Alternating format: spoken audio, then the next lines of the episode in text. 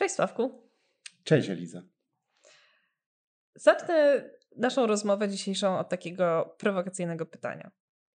Czy uważasz, że wpłacając pieniądze do budżetu, tracimy je? Czy to jest tak, że płacąc podatki de facto oddajemy swoje pieniądze państwu, które potem je przejmuje w sensie własności? Czy to są nadal nasze pieniądze? To są nasze pieniądze. Państwo, ministrowie, premier, rząd, oni nie mają swoich pieniędzy.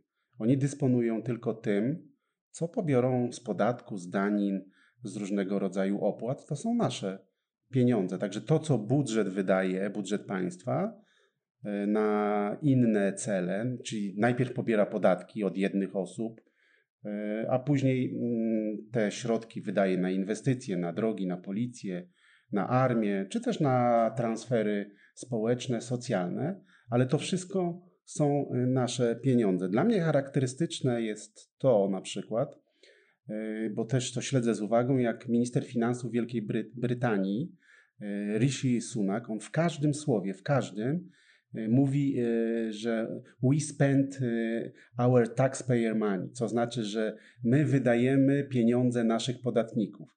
Jak ten minister się chwali jak wydał na ratowanie e, firm, gospodarki w czasie kryzysu, w czasie zamknięcia, to za każdym razem podkreśla, że to były wydane pieniądze naszych podatników. Niestety w Polsce, jakby posłuchać ministrów rządzących, to oni rozdają, dają, przeznaczają. Ja nigdy nie słyszałem słowa, że wydajemy pieniądze podatników. Czyli odpowiedź jest, to są nasze pieniądze. Czyli w Polsce nie rosną drzewka z pieniędzmi. Nie, pieniądze nie rosną na drzewie, budżet nie jest z gumy i to wszystko, co rząd wydaje, obiecuje, jest to albo z naszych podatków, z naszych danin, które my swoją przedsiębiorczością, kreatywnością wytworzyliśmy, y, albo jest to y, finansowane z długu, z zadłużania się, bo oczywiście budżety y, wszędzie na świecie zadłużają się. Oczywiście muszą to robić Y, w bezpieczny, odpowiedzialny sposób, ale te długi my musimy obsługiwać, spłacać, płacić za nie odsetki, wykupywać te długi, zamieniać na nowe długi i to przyszłe pokolenia będą musiały y, być może nie spłacić do końca te długi, ale zamienić ten dług na jakiś nowy, ale to też są nasze pieniądze. Czyli przekładając to, co właśnie od ciebie usłyszałam na taką bardzo prostą, prosty przykład, my nasze pieniądze przekazujemy rządowi do tego, aby on zdecydował, jak, e, co z nimi zrobić, po czym odpowiadamy za ich błędne decyzje. Tak, bo ostatecznie to my musimy e, płacić wyższe odsetki za dług, albo spłacać dług, albo to na nas rząd przerzuca wyższe podatki. Zobaczmy, jak to było ostatnio. E, najpierw rząd w 2019 roku zacznijmy od 19 roku, obiecał e, tak zwaną piątkę Kaczyńskiego. W tej piątce mieliśmy 500 plus na teraz już każde dziecko. Mieliśmy e, trzynastkę dla emerytów, mieliśmy e, różnego rodzaju kolejne obietnice, PKS-y, też obniżenie podatków. I wtedy rząd mówił, że to wszystko będzie sfinansowane z magicznej luki VAT, z uszczelniania. No okazało się, że te uszczelnianie podatków. On oczywiście nastąpiło, ale ono wynosi zaledwie połowę całego 500. A, a gdzie 13, gdzie 14, gdzie wszystkie inne obietnice? No i okazało się, że najpierw przed wyborami rząd obiecał, społeczeństwo się cieszyło, a po wyborach co mamy? Mamy opłatę cukrową, mamy opłatę Y, przejściową doliczaną do ceny energii. Nagle okazało się, że firmy prowadzone w formie spółek komandytowych są złe, oszukują i należy je opodatkować. Y, pojawiły się liczne nowe opłaty, daniny, podatek od sklepów, podatek bankowy i my jako społeczeństwo w różnym stopniu, w różny sposób zapłaciliśmy za te obietnice, czyli y, to zawsze my finansujemy. My sobie finansujemy to, co rząd dzieli w budżecie państwa. Oczywiście część z nas płaci większe podatki, żeby finansować e, pewne usługi dla innych, e, ale, ale to zawsze jest z, naszego, z naszych wspólnych podatków. Ale jak tak teraz Ciebie słucham, to sobie myślę, że my powinniśmy w takim razie być absolutnie przerażeni. Czy jednak nie jest tak, że jesteśmy jakoś chronieni jako ci, którzy powierzają nasze własne ciężko zarobione pieniądze e, rządowi? Czy to jest tak, że rząd może bez żadnej kontroli e, decydować, e, na co przeznacza te pieniądze? Mógłbyś podać nam jakieś dwa, trzy przykłady takiej e, kontroli nad tym, jak działa rząd? Myślę, najgorsze jest to, że mm, od kilku lat rząd wyprowadza wiele wydatków poza budżet państwa. Budżet państwa to jest, wydaje, przeciętny obywatel najprawdopodobniej myśli, że to są całe finanse państwa. Nazwa by na to wskazywała. Znaczy, zresztą to, ta nazwa pochodzi z PRL-u, Yy, wtedy, kiedy była Rada Państwa. Rady Państwa już nie mamy, a pojęcie budżet państwa zostało z, z nami. Ja też często mówiłem, że należy je zdekomunizować w pewnym zakresie albo zmienić zakres, ale niestety budżet państwa, ten, który w naszym imieniu kontrolowany jest przez parlament, no bo parlament przyjmuje budżet państwa, yy, decyduje ostatecznie, czy zatwierdzić yy, przygotowany właśnie przez, przez, rząd budżet, podatki, strukturę wydatków, czy nie. Parlament również rozlicza rząd z wykonania tego budżetu, tak jak z wykonania, z realizacji budżetu, czyli ze sposobu wy, wydatkowania naszych pieniędzy, naszych pieniędzy. Parlament jest tym, tym, tym naszym, taką radą nadzorczą.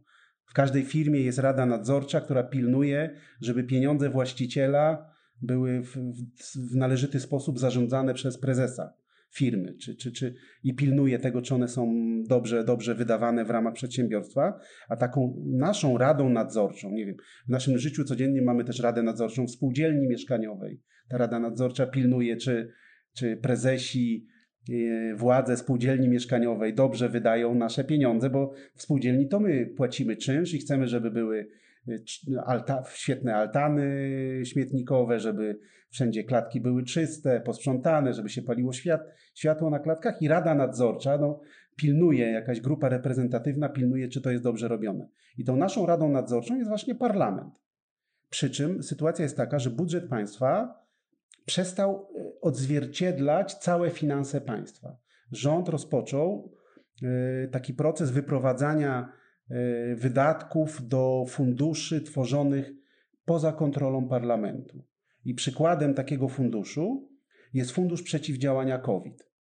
On niby został powołany do tego, żeby finansować pewne instrumenty pomocowe dla firm, ale w ramach tego funduszu nagle pojawił się Rządowy Fundusz Inwestycji Lokalnych. Zaraz e, po Y, nawet w trakcie kampanii wyborczej, y, ostatniej kampanii wyborczej, przypomnijmy sobie, że premier y, Morawiecki obiecywał, rozdawał takie tekturowe czeki dla samorządów i obiecywał im jakieś pieniądze. I to właśnie z tego funduszu poza kontrolą parlamentu. Później się okazało, Fundacja Batorego zbadała, że te czeki otrzymały tylko samorządy, które gdzieś sprzyjają w jakimś sposób centralnej władzy lub są powiązane z partiami rządzącymi. Czyli zaraz, czy ja dobrze rozumiem? Czy rząd może bawić się tak naprawdę w kreatywnego księgowego? Tak, może. Wykorzystuje wiele trików, takich, żeby y, albo pokazać lepszy obraz finansów, y, albo żeby właśnie wyprowadzić pieniądze spod kontroli parlamentu. Y, bo jeżeli pieniądze nie są kontrolowane przez parlament, to po pierwsze mogą być rozdzielane w sposób polityczny, a pamiętajmy, ostatecznie to są nasze pieniądze. To są pieniądze albo z długu, który my będziemy musieli spłacić, albo to są y, pieniądze, które są nam y, zabierane w postaci podatków. Ale jeżeli parlament tego nie kontroluje, to my tego nie kontrolujemy. I rząd może to dzielić jak chce, często jednoosobowo premier, właśnie w tym funduszu przeciwdziałania COVID, to premier w zasadzie może jednoosobowo dzielić te środki. One są zupełnie wyjęte z procesu budżetowego, z dyscypliny finansów publicznych. E, Najwyższa Izba Kontroli e, też e, nie może tego kontrolować w ramach procesu budżetowego i tych pieniędzy poza kontrolą parlamentu, naszej Rady Nadzorczej, jest już bardzo dużo. rząd przewidział, że na koniec przyszłego roku, bo teraz jest procedowany, procedow mówimy o budżecie państwa na przyszły rok, ale rząd z pewnych liczb możemy się dowiedzieć, że poza kontrolą parlamentu na koniec, zadłużenie wyniesie na koniec przyszłego roku 350 miliardów złotych, a za kilka lat będzie to ponad 400 miliardów złotych, czyli co czwarta złotówka zadłużenia w naszym imieniu społeczeństwa e, będzie poza kontrolą parlamentu, naszej Rady Nadzorczej. A co najgorsze jest to, że o ile proces e, przygotowania budżetu państwa, który jest przesyłany do parlamentu i który jest tylko fragmentem finansów publicznych, jest udokumentowany, opisany na setkach stron ustawy o finansach publicznych. E, do tego są przewidziane różne restrykcje, jeżeli ktoś źle wydaje te środki, sposoby aktualizacji planów y, budżetowych, y, właśnie rozliczania rządu z tego, bo rząd na koniec, tak jak y, prezes spółdzielni mieszkaniowej, dostaje absolutorium. Czyli absolutorium, czyli taką zatwierdzenie, że on dobrze działał, wszystko było wszystko dobrze i dostaje zgodę na to, żeby kontynuować swoją misję. To te absolutorium jest udzielane w Polsce na podstawie budżetu państwa, który jest tylko fragmentem. Bo poza budżetem, w tych funduszach, które ja nazywam rajami wydatkowymi, yy, tak jak raje podatkowe, niektóre firmy, które jakby chcą naciągać yy, kreatywnie swoją księgowość, yy, wyprowadzają pewne transakcje do rajów podatkowych, na Seszele, na Kajmany, na różnego rodzaju wyspy, gdzie podatki są niskie i tam rozliczają transakcje, czyli ukrywają w, pewnym sposób, w pewien sposób swoje niektóre transakcje finansowe przed naszym fiskusem tu w Polsce, właśnie po to, żeby uzyskać korzyści. Tak samo robi rząd. E, realizuje część swoich wydatków poza kontrolą parlamentu, poza kontrolą e, społeczną. Ja się cieszę, że powiedziałeś o tym przykładzie funduszu, bo pamiętam, jak rozmawialiśmy i mówiłeś, że e, dzielisz fundusze na szare i czarne. Dlaczego? Dlaczego dzielisz je na szare i czarne? Co to oznacza?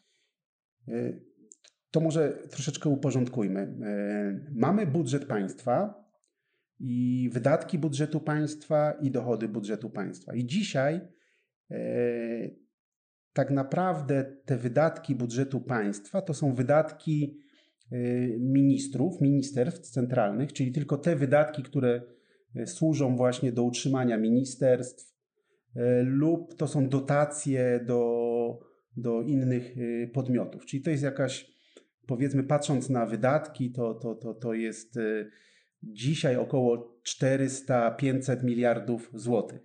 Podczas gdy wydatki całego sektora finansów publicznych to jest y, dwa razy więcej, bilion. Czyli budżet państwa to jest tylko połowa całych finansów publicznych. Do tego dochodzą też wydatki samorządów, ale samorządy w Polsce są niezależne jak na razie, mam nadzieję. E, są samorządne, niezależne od władz centralnych, e, mają swoje dochody własne, mają podatki lokalne, ale też dostają część z podatku PIT, z podatku, czyli tego podatku dochodowego, który każdy z nas płaci, czy też podatków, które e, płacą firmy, no ale też mają pewne zadania i dostają dotacje z budżetu centralnego. A oprócz tego, czyli mamy, mamy budżet państwa, mamy samorządy lokalne, mamy też te fund szare fundusze. Co to są szare fundusze? To jest na przykład Fundusz e, e, Sprawiedliwości ministra Ziobry, albo fundusz, który wypłaca emerytury, albo to jest fundusz, który wypłaca, KRUS na przykład wypłaca emerytury dla rolników. Może to być też fundusze związane z edukacją, z A kulturą, czarne? ale one są, nie, nie są wliczane do budżetu państwa, bo to jest tylko kawałek, są jakby yy, tworzone na mocy ustawy o finansach publicznych, czyli są dołączane do, do tego pakietu dokumentów budżetowych, ale ich wydatki rzeczywiście nie są wliczane do budżetu państwa. Jakby one są, są, są troszeczkę obok, ale przynajmniej są załącznikiem do ustawy budżetu państwa i w pewnym zakresie e, mamy kontrolę nad tymi funduszami. Bo nie wiem, ostatnio widzieliśmy, co się dzieje z Funduszem Sprawiedliwości ministra Ziobry. Zresztą każdy minister chce mieć swój fundusz, czyli chce tak, mieć swój taki... obserwowaliśmy to zarówno z punktu widzenia ekonomistów, jak i prawników. Tak, budżecik. Ale przynajmniej ten fundusz jest tworzony na mocy ustawy o finansach publicznych. i na przykład Najwyższa Izba Kontroli może ten fundusz skontrolować w ramach procesu budżetowego i zarzucić e, łamanie dyscypliny finansów publicznych. No, sprawa niech się rozstrzygnie w sądzie, ale jest jeszcze ważna rzecz tego szarego funduszu, że minister e, Ziobro, nawet jakby chciał, jeżeli by chciał, on załóżmy zgłosił teraz plan finansowy tego funduszu sprawiedliwości do projektu budżetu na rok następny, wydatki tego funduszu to jest spora suma, bo ponad 250 milionów złotych. No i załóżmy, że parlament przyjmie ten plan, finans, y, budżet i te, te, załącznik y, tego funduszu y, sprawiedliwości, to jeżeli w przyszłym roku minister Ziobro chciałby na przykład zwiększyć plan finansowy tego funduszu, albo nie wiem, zmniejszyć trochę inwestycje, żeby więcej wydać na jakieś cele związane z niekonkretne wydatki, niekonkretne projekty, tylko powiedzmy taką e, na wydatki bieżące, czy na energię, na e, funkcjonowania tego funduszu, czy na jakieś tam różnego rodzaju instrumenty, to musi iść do Sejmu i uzyskać zgodę Komisji Finansów Publicznych. Czyli w pewnym zakresie te środki są pilnowane przez naszą Radę Nadzorczą, tak jak mówiłem, czyli nasz parlament, naszych e, posłów. Czyli nawet jakby chciał o tysiąc złotych, czy nawet o, o parę złotych zwiększyć łączne wydatki tego funduszu. A są też fundusze czarne, które są zupełnie tworzone poza ustawą o finansach publicznych. No to jest, dlatego tak uważam, że my tu w kraju mamy ustawę o finansach publicznych, y, na którą składają się samorządy, budżet państwa i te fundusze, państwowe fundusze celowe, sama nazwa wskazuje, a mamy gdzieś raj wydatkowy zupełnie poza Polską, na jakiejś wyspie. Tą wyspą jest Bank Gospodarstwa Krajowego. To nie jest jednostka budżetowa, to jest po prostu Y, firma działająca, firma, bank, którego właścicielem jest jednoosobowym skarb państwa, ale przy tym banku utworzono takie fundusze. I jest tam na przykład Krajowy Fundusz Drogowy, który zresztą istniał wcześniej, ale realizuje inne działania, a teraz utworzono Fundusz y, Przeciwdziałania COVID, a w ramach tego funduszu y, mamy Rządowy Fundusz Inwestycji Lokalnych, czy teraz jeszcze nowy Rządowy Fundusz Polski Ład, który ma finansować Polski Ład. A dzisiaj się dowiedziałem, że ma być powstać jeszcze jakiś rządowy fundusz wydatków y, zbrojeniowych czy tam militarnych, obronnych, też w tym funduszu y, przy, przy Banku Gospodarstwa Krajowego. I tutaj te fundusze, dlatego nazywam czarnymi czy też rajami wydatkowymi, bo one są w ogóle niedołączane do pakietu dokumentów, które dostaje parlament, czyli nie są zupełnie kontrolowane przez parlament.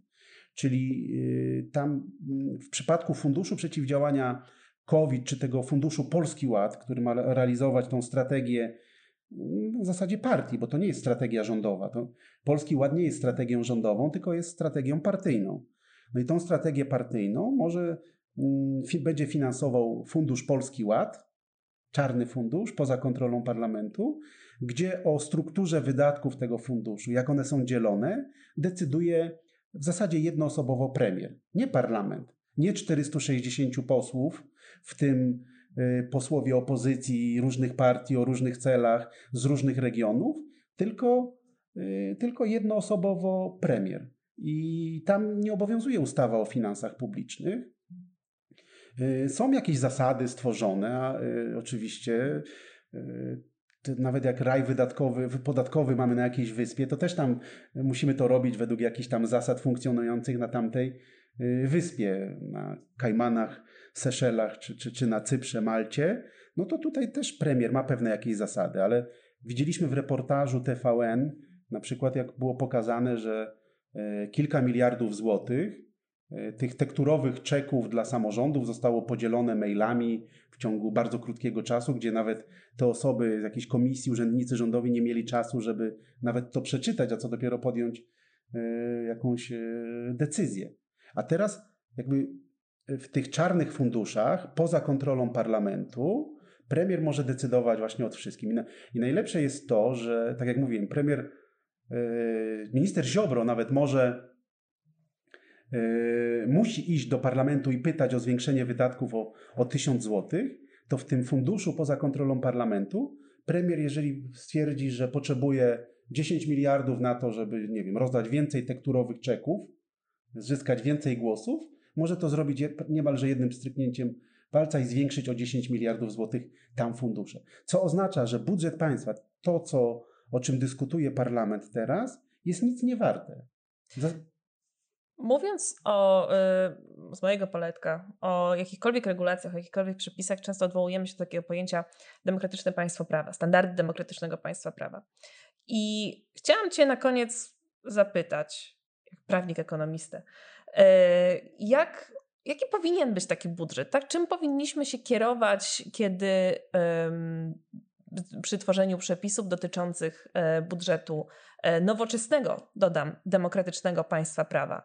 I jakbyś, czy są jakieś takie cechy, które, które byłyby jakimś celem, który chcielibyśmy e, osiągnąć, żeby przynajmniej jakoś ochronić się przed tymi kreatywną, przed tą kreatywną księgowością naszego rządu? Oczywiście y, sposób, y, znaczy tak działa każde państwo, że pobiera podatki, daniny, opłaty i później w jakiś demokratyczny sposób te y, środki są dzielone dla społeczeństwa w demokratyczny. Oczywiście mm, ja jestem zwolennikiem y, y, niskich podatków i przeznaczania więcej wydatków na inwestycje, na rozwój niż na przykład na, na transfery socjalne. Uważam, że lepiej jest dawać szansę, czyli zrobić lepszą edukację, nowocześniejszą edukację, niż rozdawać jakieś transfery socjalne. Ale oczywiście inni ekonomiści mogą mieć troszeczkę inny pogląd, ale no, mamy demokratycznie e, decydujemy o tym, jak to wydawać. Ale niezależnie właśnie od tego, jak wydawać, to porządny budżet, dobry budżet, po pierwsze powinien być przejrzysty. Czyli na początku musimy zagwarantować, że wszystkie transakcje w budżecie są bardzo przejrzyste, że rząd wszystko pokazuje. Po drugie, yy, musi być pod kontrolą parlamentu w całości. Nie może być tak, że sobie zrobimy równoległy budżet poza kontrolą parlamentu. Nawet jeżeli tam mogą się zdarzyć jakieś słuszne e, wydatki, ale musi być to pod kontrolą parlamentu, musi być przejrzyste. E, te środki, i, i to jest najważniejsze. Niezależnie od, nawet niezależnie od takiego paradygmatu ekonomicznego, od tego, jakiego mamy w te kierunki wydatkowania, to najważniejsze, żeby to wszystko było e, przejrzyste, pod kontrolą parlamentu, naszej Rady, Rady Nadzorczej, tak jak cały czas powtarzam, a my tej przejrzystości niestety nie mamy. Mamy pełną dowolność wydatkowania i najgorsze jest to, że te fundusze poza kontrolą, one są jeszcze na, na kredyt. Te fundusze nie mają żadnych dochodów, te, które teraz obecny rząd stworzył. To jest wszystko na kredyt i to jeszcze droższy kredyt niż gdyby to było finansowane porządnie yy, z budżetu państwa. Także przede wszystkim przejrzystość, transparentność, jawność, procedury muszą być zachowane. Zresztą nawet Najwyższa Izba Kontroli w swoim analizie, potężnej analizie za rok 2020, tam kontrolerzy NIK-u wprost stwierdzili, że budżet państwa utracił swoją rangę. Nawet tam jest takie zdanie, że apelują o przywrócenie rangi, należytej rangi budżetowi państwa, który powinien być centralnym dokumentem planistycznym obejmującym całe finanse, bez stworzenia rajów wydatkowych. Jeszcze też powiem, że budżet państwa, w ogóle nasza konstytucja ma cały rozdział dotyczący finansów publicznych. E, tam jest pojęcie budżet państwa, pojawia się w konstytucji. E, budżet państwa to jest, e, mimo że nie zatrudnia żadnej osoby, nie ma budynku, ale to też jest instytucja. To jest instytucja taka sama jak KRS, jak trybunały, jak sądy, która wymaga ochrony, żeby ona znaczyła to, co ma znaczyć, czyli budżet całego państwa. tak jak tutaj teraz rząd sobie stworzył neo-KRS, Y, albo w, jakby wydmuszki trybunałów i sądów, a już taką patologią jest na przykład, że stworzono, mamy w y, Konstytucji Krajową, Radię, y, Krajową Radę Radia i Telewizji, która ma bronić tego pluralizmu w mediach, to stworzono sobie taką obok Krajową Radę, Radę Mediów Narodowych. Czyli obok zupełnie instytucje, żeby tylko ominąć y, konstytucję. Jest wydmuszka, istnieje cały czas Krajowa Rada, y, Krajowa Radia, Radia i Telewizji, ale ona jest wydmuszką, bo obok jest inna. Tak samo mamy wydmuszkę w postaci budżetu państwa, który stanowi część finansów, bo obok mamy y, równoległy budżet premiera Morawieckiego. I to jest moim zdaniem też łamanie właśnie demokratycznego państwa prawa, kiedy nagle budżet państwa przestaje być budżetem państwa. I ja bardzo się cieszę, że zakończyłeś nasze, naszą rozmowę dzisiejszą tym stwierdzeniem, że to właśnie wszystko też sprowadza się właśnie do szacunku do obywatela, e, czyli do przestrzegania zasad e, demokratycznego państwa prawa. Dziękuję Ci bardzo za tą rozmowę i dziękujemy również naszym słuchaczom. Dziękuję bardzo.